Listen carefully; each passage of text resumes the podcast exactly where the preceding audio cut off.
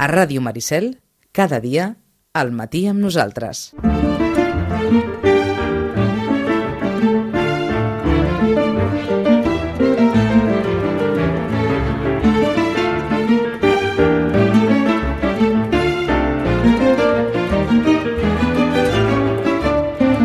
És el nostre habitual temps dels llibres, cada 15 dies les recomanacions literàries que ens porta la Rosana Lluc i, com els comentàvem, ens havíem quedat a les portes de l'arribada de quelcom que per a qualsevol llibreter és sempre una novetat d'aquelles sonades, d'aquelles que, que es demanen, d'aquelles que es busquen.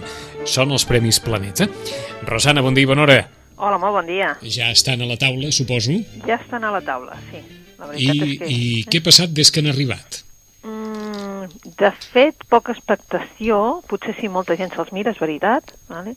Però la veritat és que en aquests moments, diguéssim que encara no és allò la gran venta, eh? Ahà. Encara no. I és curiós perquè també hi ha molta curiositat amb el, de, el finalista. Tothom coneix l'Alicia Jiménez Barlet, per tant, doncs, eh, ja saps allò que me l'apunto, me l'apunto perquè ja la coneixen, i en canvi, eh, clar, potser qui és menys conegut, almenys com a, com a escriptor, és el Daniel Sánchez Arevalo. Ahà. I hi ha com una... Saps allò? Aquest noi el segueixo, saps aquell comentari de dir aquest noi el segueixo en les, En les pel·lícules. Em sembla que, Mhm. que aquesta m'agradarà. Bé, suposo que perquè el tema potser doncs és, diguem-ne, doncs, bé, saps allò?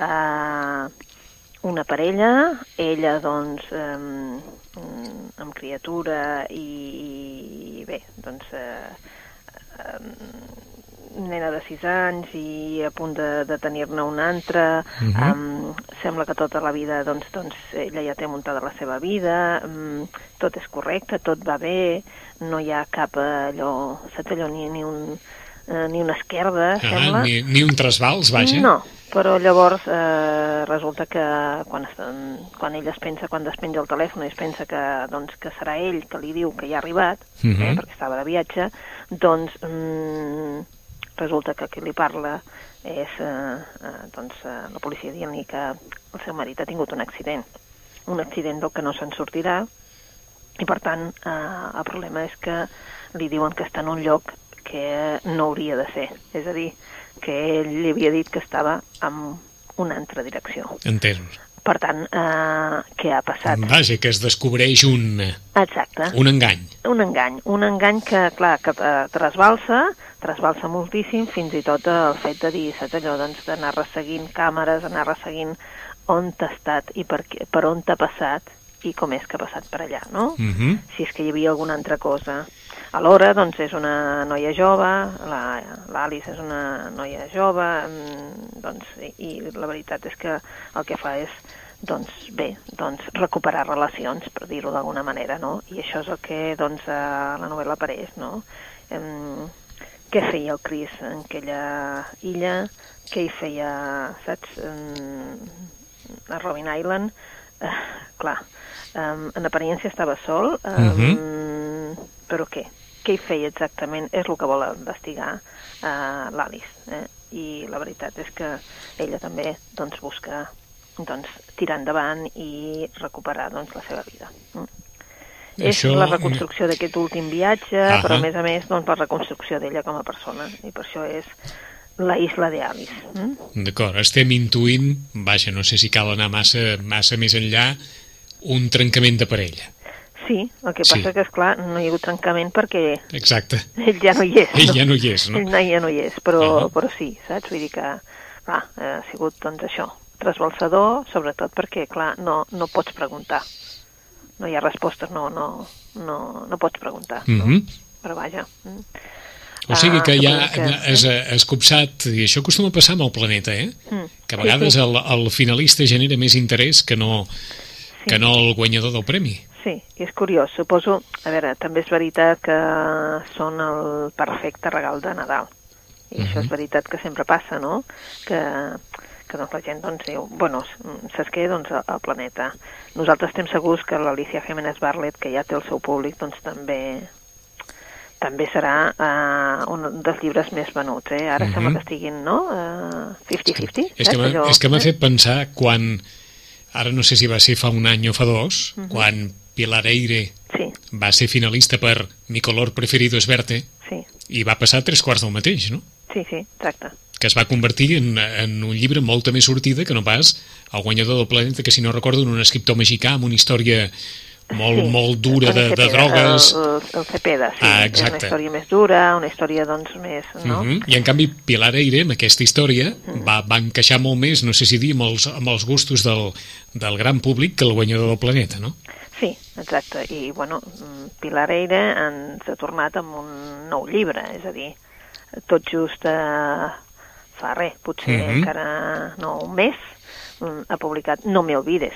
Vull dir que una mica seguint l'estela del finalista del planeta. De, Mhm. O sigui que, que sí que, que ha copsat, eh? I la veritat és que sí. És que també és veritat que, que bueno, el, la Jiménez Barlet en aquest cas s'aparta una mica del- de- de- d'això, no? De, de la seva novel·la policíaca, sinó que, clar, ens parla d'un altre tema i, clar, eh, potser això també fa que el, el, ell haver dit que no és una... Saps? Allò perquè t'ho pregunten, eh? O sigui, quan agafen el planeta diu però què és de la Petra?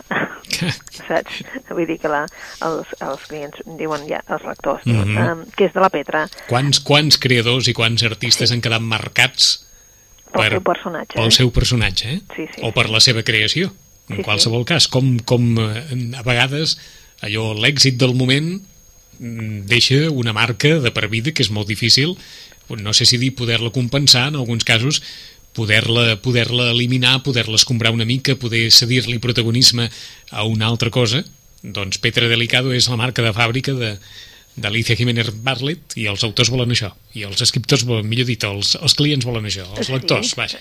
Mira, això em fa pensar l'altre dia que vaig llegir un, com una espècie d'entrevista que li feien amb el amb l'Ibáñez, Mhm. eh, a motiu d'aquest llibre que eh, Està clar. Aquest, aquest mortadelo de les, ele de les eleccions que ha sigut està Un, sent eh, un èxit total, un èxit total amb eh? 79 anys, sí, un èxit total eh? amb 79 anys, sí, sí, i, i que no fa tant que va publicar el de el de la corrupció, Exacte. aquell famós que va ser... Que, eh? que... el de Bárcenas, per dir-ho Ah, d'alguna exacte, manera eh? el d'en Bárcenas. Exacte, doncs clar, mm, un èxit total.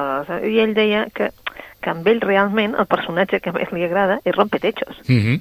però en canvi li toca fer Mortadelo, perquè Mortadelo té molt d'èxit i Rompetechos doncs s'ha quedat una mica apartat, diguéssim, no? I és curiós, no? Vull dir, uh, diguem, mm, Ibáñez, Mortadelo, Sí, sí. eh? I és això, no? Segurament perquè Mortadelo s'ha adaptat molt a l'actualitat, Sí, molt. que és el que deia Ibáñez, que el secret està en, en, en poder seguir perpètuament la- l'actualitat Exacte. Del, del món, no? I en aquest cas, evidentment, eh, eh, Mortadelo i Filemón mm, ha servit, aquest, aquest eh, repte ha servit perfectament. A 13 Rue del Percebe ja va fer alguna cosa així. Sí, sí, si no recordo malament, hi ha una vinyeta que es va convertir molt viral, que era l'edifici de, de 13 Rue del Percebe absolutament buit, perquè havia estat desnonat tothom de, de l'edifici, i era una, una vinyeta amb una càrrega venint d'aquí bé, que és un home que ha fet feliç a tanta gent i, i sempre amb bon humor, allà hi havia, vaja, una càrrega crítica eh, important. Però amb 79 anys, Francisco Ibáñez continua desenvolupant els personatges, les històries amb la mateixa força de, de sempre. Sí, sí, a més Però veníem per allò del personatge que marca, eh? Sí, venien d'allò del personatge que marca, però, però és veritat, eh? vull dir que hi ha un un munt, un munt d'escriptors marcats pels seus personatges? Mhm. i fins i tot doncs, diuen bueno, que arriba un moment que ja no en volen fer més, no? com va passar fa, que fa un mes i poc o així que va morir, el, o potser un- una mica més, que va morir el Henning Mankel, Sí. I ell el va marcar el personatge, clar, tothom et pregunta, jo uh, vull el Wallander, I no et diuen, saps? Vull dir, com a, clar... mm, Sí, sí. No vull, no vull ni l'escriptor, vull, el, per- vull el personatge, vull dir, eh? directament, no? I clar, doncs sí que marca molt els personatges, eh, però això també, per ells també suposo que és un orgull per dir, bueno, doncs, eh, no? Mhm. Has creat un personatge que fins Sí. i tot et supera tu, eh? Vaja, l'únic- un dels casos en què l'escriptora va superar el personatge encara hi ha persones que van a les llibreries i demanen Agatha Christie Sí. i no demanen Poirot, per Exacte. exemple, eh? Sí, sí, sí. Sí, sí, en aquest cas sí. Aquest cas sí, en aquest sempre cas sí. demanen, Sempre demanen Agatha Christie. Uh -huh. sí, sí. Però no sempre passa això, eh? No sempre, no sempre. Els eh? personatges són tan potents, tan potents, que, que vaja, que prenen el protagonisme al propi creador. Eh? Tot això venia arran d'Alicia Jiménez Barlet Sí, i aquests hombres hombres desnudos. del que jo la veritat és que he llegit poc, eh, bueno, les crítiques de moment encara no ens diuen gaire cosa, no? Vull dir, és una altra vegada una novel·la sobre sobre el present, no? I entre gent que, que per la feina doncs, ha de buscar-se doncs, uh, què, què pot fer, Uh -huh. què pot fer per guanyar-se la vida, no? I en aquest cas doncs, el que fa doncs, és fer, bueno, de stripper eh? en un club. I clar, eh, doncs és també la història d'això, no? D'unes dones que, en definitiva, què has de fer? O sigui, si o et que- et dediques a la carrera professional o et dediques a la família, mm, de vegades és difícil compatibilitzar-ho tot i moltes vegades et dediques massa a la teva carrera professional en detriment de- d'això, de, de tenir això, una família. Mm? Mm.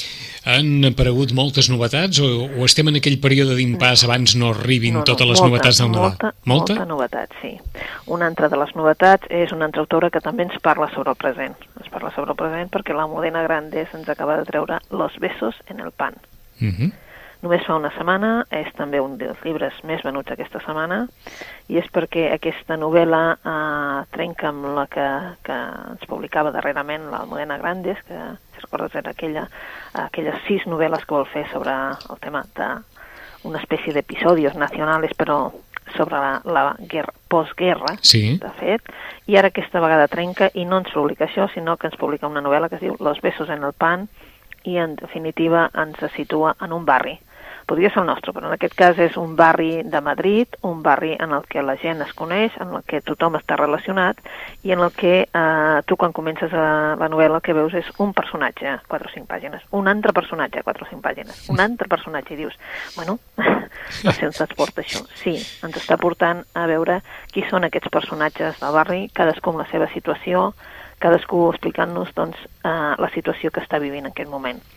És difícil que un autor, no?, que vull dir que avui dia un autor ens faci una novel·la divertida, entretinguda, en el sentit de que puguem riure molt i tal, ha de ser un, no una novel·la, sinó ha de ser un Ibáñez, perquè, uh -huh. clar, vull dir, perquè ell s'ho pren des d'una altra, des d'una altra branca, no? Clar, el moment que passem no és un moment gaire, Gaire bo. curiós, eh? Mhm. I, és clar, eh, les, els autors també se'n fan reflexe d'això. I en aquest cas, la Modena s'ha anat cap a un barri de Madrid en el que doncs, ens presenta tota una sèrie de personatges i tu vas llegint i vas veient la relació que tenen cada un d'ells, no? O sigui, estàs parlant d'un personatge al cap d'un altre i resulta que són o germanes o són cosins o són veïns, etc. I de què ens parla? Doncs d'això, de la solitud d'alguns, de que què passa quan un, algú, un banc agafa un, un, un edifici i el compra Mhm. com a fondo bruite d'aquests i, i tothom ha d'anar al carrer? Què passa si allà hi ha també un, un centre de salut? Què passa amb el senyor que perd la feina, eh, perd la família, mm, ho perd absolutament tot i acaba, doncs, encara que tingui una carrera, acaba de fer de porter. I gràcies perquè està molt agraït a poder doncs, anar tot així, tot uniformat, diguéssim, i fer una cosa com obrir la barrera perquè entrin en un pàrquing. En definitiva, Los besos en el pan, ell recorda eh, doncs que en la postguerra a casa seva li van ensenyar que quan es queia un tros de, quan queia un tros de pa de la taula i queia a terra, eh, el netejaves una mica, no? el fregaves i li donaves un, un petó, petó. i el tornaves a posar a la panera. Aquest és Los besos en el pan, que això com tu mateix dius, li donaves un petó i el tornaves a, a utilitzar, no? Per una altra cosa si volies, però... Sí, sí. Eh? Llavors, eh, és això, és com resistim, no?, com resistim aquesta època, si no fos per la... no? Evidentment, després també hi ha aquest toc, no tot és, eh, diguéssim, eh, amarg en aquesta novel·la, sinó al revés, perquè, doncs, eh, aquesta solidaritat que tenim entre tots, no? Eh, la família, el veí, eh, un metge que decideix que no, no, que vostè té dret amb això i li han de donar, saps allò, una solidaritat entre tots que fa que tu te n'oblidis de que els de dalt són els que estan manegant, però els de baix tenen altres Mhm. mm -hmm. armes per sortir-se'n. Les armes emocionals, vaja. Exacte. Eh? És Eh? Això sembla, ara que està tan de moda aquest terme, un, mm. un cant a la resiliència, eh? Sí, sí, sí, és això. Exactament és això. És eh? això. Exactament és això, sí, Mm, mm, besos mm. en el pan. Però el que passa que, clar, com ho fa? Pues, pues, eh, ella ho fa amb, allò, amb unes descripcions eh, que amb cinc línies t'ha descrit la persona i com està d'estat físic, de com ha, com ha canviat el seu estat físic, no? Uh, però, en canvi, doncs, com resisteix moralment, allò d'algú que està en un bar, des que es pren i que cada dia veu la mateixa persona i, i un bon dia se saluden, no? Allò Sí. tímidament, i tots dos són uh, dues persones ferides, ferides per la vida, en el sentit de que Mhm. una doncs, l'han deixat, l'altra l'ha deixat absolutament tot i només té l'alcohol com a referència. I que, per tant, poden compartir l'experiència de Exacte, cadascú. però no s'atreveixen, saps allò?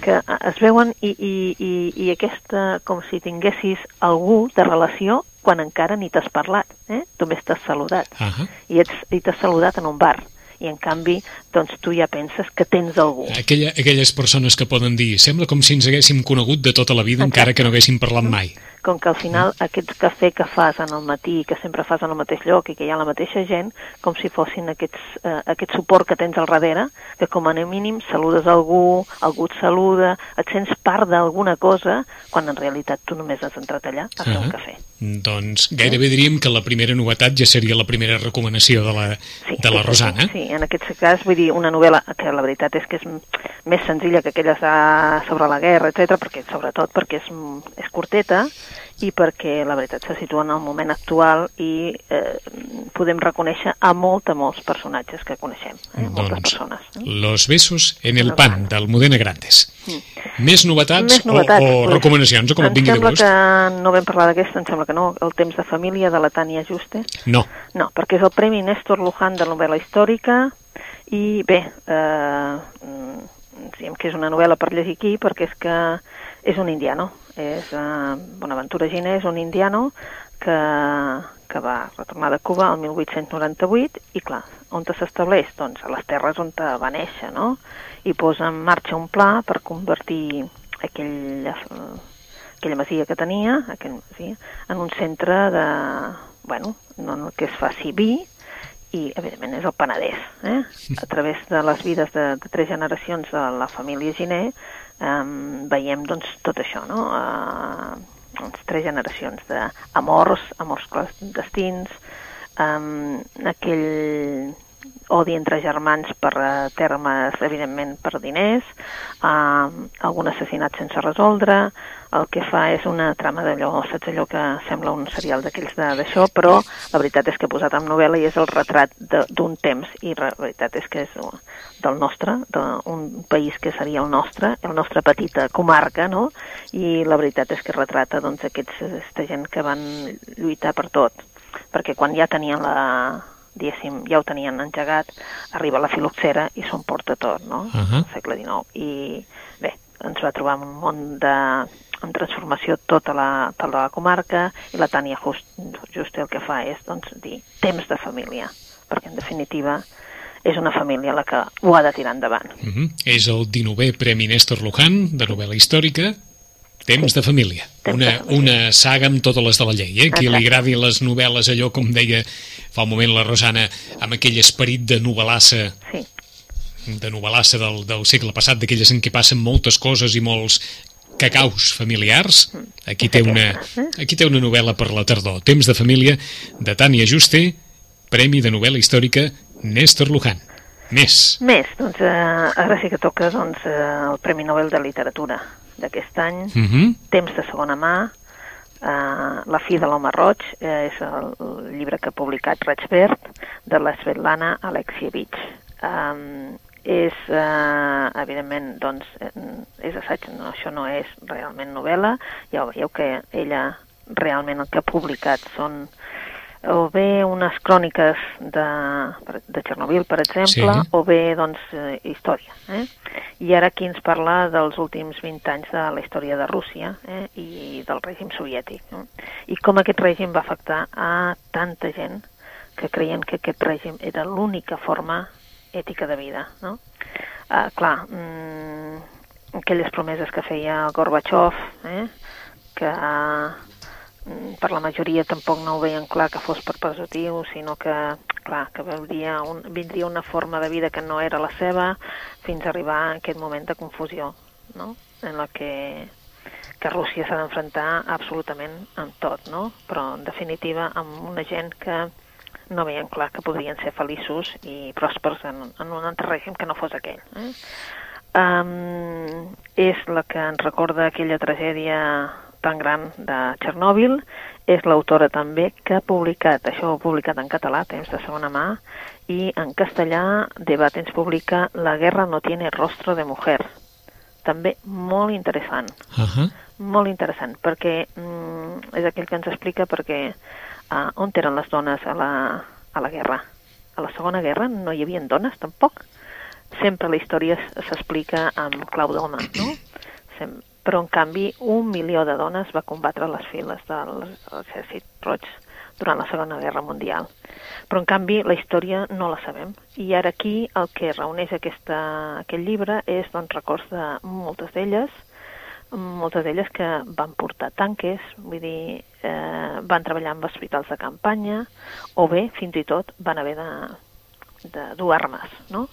Uh, la seva història no és un relat de, de, de combats ni la història, és què, què va passar i com es va transformar, de què tenien por i, i com era això de portar una arma i haver de matar algú.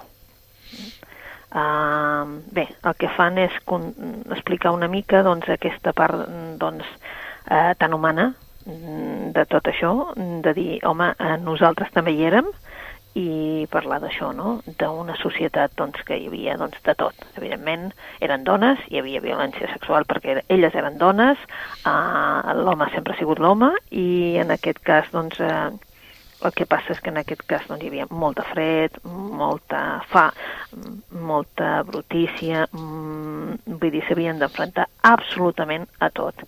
I aquest és un llibre, doncs, a mi em sembla com a molt, molt, molt interessant. Uh -huh.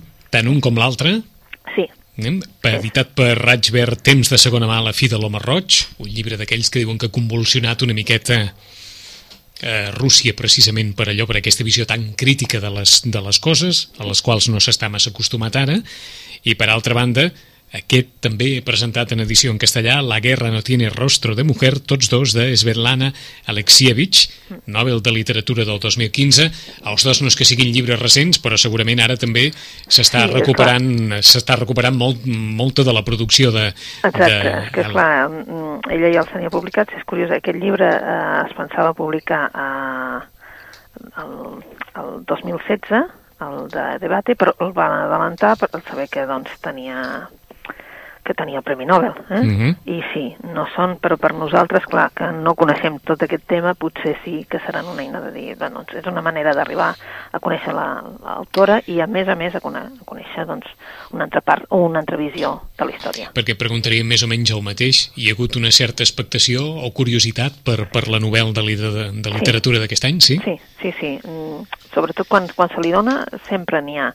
I segona, molta gent vol... Uh, sí, saps? Suposo perquè Ra- Raig Verd també, a través de, del de les seves redes socials i tal, ja va dir Ei, jo publico en català el llibre i va ser molt ràpid amb això. Uh, Debate també va avisar de que publicava també el llibre, que l'adelantava, perquè ho tenia previst per un altre, en- tenia un altre calendari, però en canvi, clar, sí que hi ha aquest saber de què parla aquesta senyora, Uh -huh. de què parla. mm? Raig Verd és una editorial independent de qualsevol grup? Sí, sí, sí, Sí. perdona, sí, és una editorial eh, independent, el que porten dos, i sí, sí, és una editorial independent, catalana, amb dues persones al davant, Caram. sigui, un grup petitet, però que està fent una feina increïble en el, a, a, a nivell de, del nostre país. Doncs que quedi clar, en aquest cas, que continua havent-hi molts emprenedors, eh? Sí, sí, sí, sí, la veritat és que I, sí. I en un món complex, com és aquest de, de les edicions literàries i de, i de la literatura en paper o del llibre en, pa- en paper, eh? Vinga, més recomanacions, Més Rosana. recomanacions. Doncs en tenim una altra. Per exemple, eh, els que vulguin divertir-se, pues, bé, agafem el David Safier i ens n'anem. És eh, conegut per un llibre en concret, eh? Maleït Carme. La veritat és que en aquell... Em sembla que, em sembla que n'havíem parlat, eh? Sí, del Maleït Carme sí, perquè ha sigut un llibre doncs, que, que ja fa molt de temps que va sortir, que és un llibre que ja ha fet ell, doncs ja, ja ha creat lectors de, de, de Sàfir, diguéssim, i després a partir d'aquí doncs, ell va publicar com a més llibres, no? Doncs eh, un sobre el tema de, de Jesús, no? que era, no deia Jesús, però deia que, bueno, que era un senyor que era fuster i que venia aquí, saps, a, a, a, a predicar doncs, eh, la fi del món, etc etc. Eh, aquest és més maleït. Carme és ja una eina de dir, bueno, doncs voleu, voleu riure? Doncs aquest, passar-s'ho divertit, eh? Per què? Perquè és de la Daisy, la Daisy que viu, doncs allò, eh? Una vida de festes, alcohol, eh, una vida de nit, eh? I clar, és una actriu que en aquests moments es troba amb, amb un punt mort a la seva carrera i no té ni diners per pagar el lloguer. Bueno, Mhm. um, eh, clar, és que encara és molt jove, eh, encara no té 30 i encara no sap cap on li va la vida. I, clar, la paraula amor, diguéssim, no la coneix gaire. Eh? Coneix relacions, però amor no. I, clar, mm, el destí farà que, que topi amb l'estrella de Hollywood del moment, que és, un, evidentment, un home arrogant, eh, que ho té tot, però, clar, evidentment és una estrella i, per tant, no està per les coses terrenals, diguéssim, no? La seva trobada no anirà com esperava, però quin problema tenen? Que tots dos moriran en un accident de cotxe, com passava amb Maleït Carme. Eh? Bé, ara ja tenen un, ca un karma acumulat dolentíssim i, per tant, s'hauran d'espavilar. És una novel·la divertida, una novel·la allò de, de dir, bueno, doncs eh, vull riure i res més. Eh? Um, um, el karma, de, no, el maleït karma eh, eren formigues, aquí, evidentment, són uns altres animals, ja no us ho expliquem, però mm, si voleu riure, més maleït karma del David Safier. Més maleït Carme, eh? Més maleït karma. Més eh? maleït Vull dir, karma. Com que era maleït karma el primer, ara tenim més maleït karma i així no, no t'equivoques, és, és Ahà. la, la segona novel·la Que, que va d'això. que, Eh? fe, que feia temps que no ens presentaves directament una novel·la per fer riure. Sí, sí, sí, exacte. Doncs aquesta ho és, eh? Eh, és que hem- costa, hem- eh? Per hem- això l'he escollida perquè he pensat, bueno, esclar, si poses el Premi Nobel, eh, poses la... Eh, hem anat amb... tanta amb... realitat social i tal, Ah, doncs, potser que eh, doncs, eh, facis alguna cosa per, per mirada. Eh? Doncs, eh, Doncs més maleït Carme de David Safier. I amb què podem acabar, Rosana? Doncs, si voleu, podem acabar amb una autora que, eh, bueno, que, que és la Karin Slaughter, és novel·la negra, és americana i, bueno, és una de les novel·les, eh, bueno, una autora molt, molt coneguda, malgrat que aquí ha tingut... Mm, és mitjana de, de coneguda, eh? La veritat és que els que el coneixem ens, ens agrada, és una novel·la... Eh, ella és aquella noia americana total, amb bambes a baixeta i que fins i tot s'ha creat la seva pròpia editorial a Holanda, de tant que ven, i és Slaughterhouse, o sigui que mm, Uh -huh. és curiós, i... Això encara, això encara, vaja, no sé si aquí s'ha donat el cas o no, però és a dir, una escriptora que ha creat la seva pròpia editorial Sí, per bueno, gestionar- allà sí és Slaughterhouse, eh? i Ahà. això ens ho va explicar ella, i, i ara resulta que llegint, llegint, doncs eh, està traduïda a, no sé si a 32, 32 llengües, em sembla, i porta venuts més de 30 milions d'exemplars de les seves novel·les. Mare. Això no vol dir que aquí sigui gaire coneguda, que No, no, no. ho és, també t'ho dic, eh? D'acord, de novel·la policiaca sí que la... Clar, no sé si li fa massa falta o no, No, però no, no, no, perquè ja et dic que sí. Eh. Carai, no? Vull dir, carai, eh? Però aquest és, eh, ara torna amb un thriller, un thriller psicològic que es diu Flores cortades. Eh? Ahà. Vull dir, i aquest Flores cortades, vull dir, um, hi ha unes germanes mm, i diu germanes desconegudes, supervivents. Eh? Per què? Pues perquè són dues germanes i eh, una va, va desaparèixer, la, la gran, els hi va desaparèixer sense deixar rastre quan tenia només 19 anys. Després, mm, elles dues van deixar de parlar-se, eh? i clar, a partir d'aquest moment eh, bueno, s'havien agafat doncs, eh, carreres diferents, per dir-ho d'alguna manera, i maneres de viure diferents. Eh? Mm, una era, bueno, una s'havia convertit a, les, a la dona d'un milionari, eh?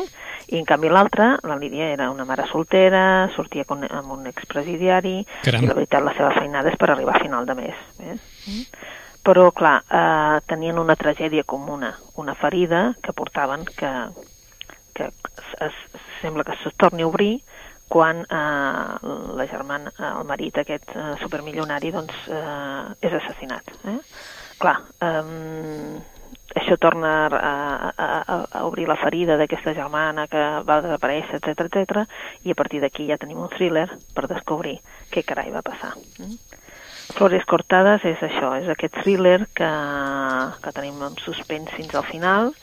Um, és una autora que realment uh, té ofici i, per tant, quan comença la novel·la ja us asseguro que no la deixes fins al final. Uh -huh. Doncs anem a fer un repàs a aquestes novetats i les recomanacions de la Rosana en una setmana en què també ha estat notícia el Defonso Falcones, però no pas pels seus sí, llibres, no, eh? No pas pels llibres, eh? No pas pels llibres, tot i que molt em temo que haurà d'escriure alguna altra cosa amb un cert èxit, si s'ha de rescabalar d'aquesta impressionant multa de 1,4 milions d'euros que li reclami Zenda. Mm. Perquè se n'adonin també que, que, hi, que hi ha escriptors que donen molt de sí i n'hi ha uns altres que, que costa una miqueta que costa una miqueta més. Mm. Els dos Premis Planeta, per una banda, el d'Alicia Jiménez Barlet, aquests hombres desnudos, i per altra el de Daniel Sánchez Arevalo, que com ens deia la Rosana, està mereixent una, una atenció, una expectació especial per part de, dels lectors amb la Isla de Alice, la història d'aquesta parella, ella amb una nena de 6 anys, un, una altra criatura que ha de venir, una vida aparentment feliç, sense, sense problemes, fins que arriba un dia en què una trucada ho canvia tot, una trucada en què diu que la seva parella ha tingut un accident, però ha tingut un accident en un, en un indret en el que en principi se suposa que no hi hauria d'haver estat. A partir d'aquí, una història una història de parella i de nova vida de cadascun de, dels seus membres. La Isla de Alice, de Daniel Sánchez Arevalo. Ens ha recomanat també la Rosana, com a mínim l'ha apuntat. Com que arran d'aquesta qüestió del planeta hem parlat de Pilar Eire i d'aquell i d'aquell mi color preferido és verte, doncs Pilar, Pilar Eire acaba de treure no m'hi olvides, amb una certa expectació també, o expectació equivalent a la que va mereixer en el seu dia el darrer llibre de la, de la periodista que ara, gairebé diríem, revitalitza la seva, la seva carrera a l'autoria, de Pilar Eire, No m'hi olvides. D'Almudena Grandes, aquells que esperaven una, una edició més d'aquesta d'aquesta llarga llista de sis novel·les que han d'abordar la qüestió de la postguerra civil, doncs hi ha hagut una aturada aquí i el Modena Grandes proposa però una història que ens sembla que és molt maca ja d'esperit, de, una història de, de resistència, de resiliència davant aquesta situació de, de crisi i sobretot centrada en un barri de Madrid on tothom es coneix, on el veïnat es coneix i on, i on les històries s'entrecreuen, les històries solidàries s'entrecreuen. La novel·la es titula Los besos en el pan, és una metàfora d'aquella imatge que els més grans poden tenir de com eh, en, en temps de la postguerra tot s'havia d'aprofitar i per tant mm, calia fer el cor fort davant de determinades situacions. Los besos en el pan del Modena Grandes. De Tania Juste, Temps de família. Aquí sí que aquells que vulguin una novel·la amb, amb intrigues familiars, odis, passions, tot el que hi vulguin ficar, com un bon serial, la tenen a Temps de Família, Premi de Novel·la Històrica Néstor Luján, el 19è Premi de Novel·la Històrica Néstor Luján, tres generacions de la família Giné, eh, entre, entre l'Amèrica, entre l'anada a Amèrica i la tornada al Penedès. Tres generacions de família enfrontades entre, entre elles.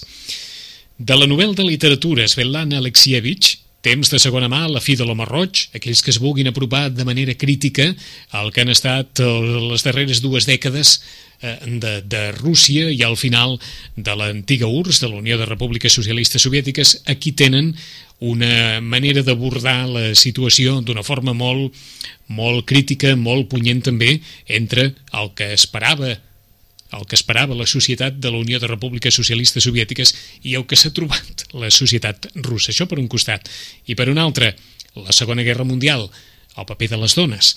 La guerra no tiene rostro de mujer, editat per Debate, dos llibres de Svetlana Alexievich, la novel·la de, la, de literatura d'aquest 2015. Qui vulgui riure, més maleït Carme, de David Seifier, si van riure amb maleït Carme, la Rosana ens diu que promet més riures perquè és més maleït Carme.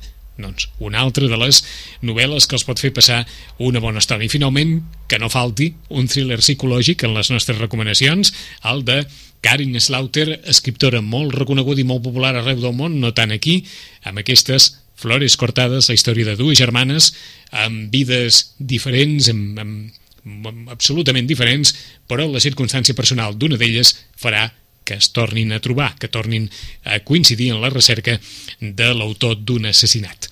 En 15 dies tornaran al temps dels llibres, com no, amb la Rosana Lluc, amb més novetats i més recomanacions. Rosana, bona lectura. Bona lectura a vosaltres.